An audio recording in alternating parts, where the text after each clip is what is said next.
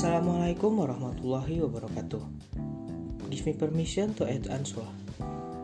In the world is currently faced with job disruption in several industrial lines.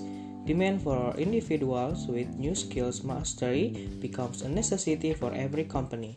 For example, in the world of technology, in the past it was possible that jobs such as big data specialist, artificial intelligence or AI specialist, or data analysis were not required yet. However, from the last few years to the next decades, the demand for the workers in the sector is predicted to skyrocket. Not only that, mastery of soft skills or abilities that are effective and psychomotor also has a very important role. Capabilities such as critical thinking, problem solving, communication, collaboration, and creativity or invention are really needed in the global competition.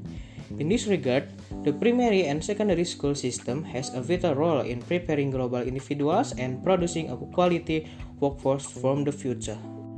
Launching a white paper published by the World Economic Forum in January 2020, the world currently needs an education 4.0 method to support the fourth industrial revolution.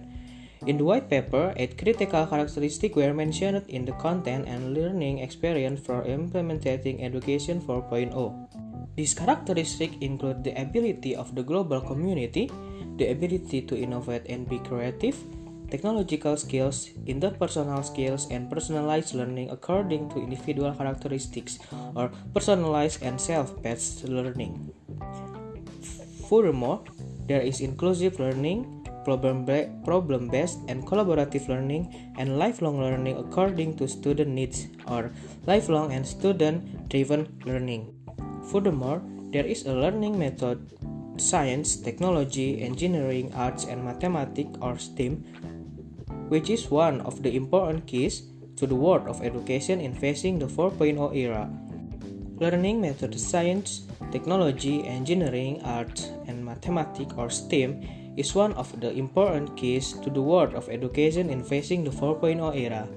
This is because system STEAM can encourage the development of science, technology, engineering, and mathematics to, to be more creative. For example, students can be taught the concept of hot and cold energy through milking uh, milk activities.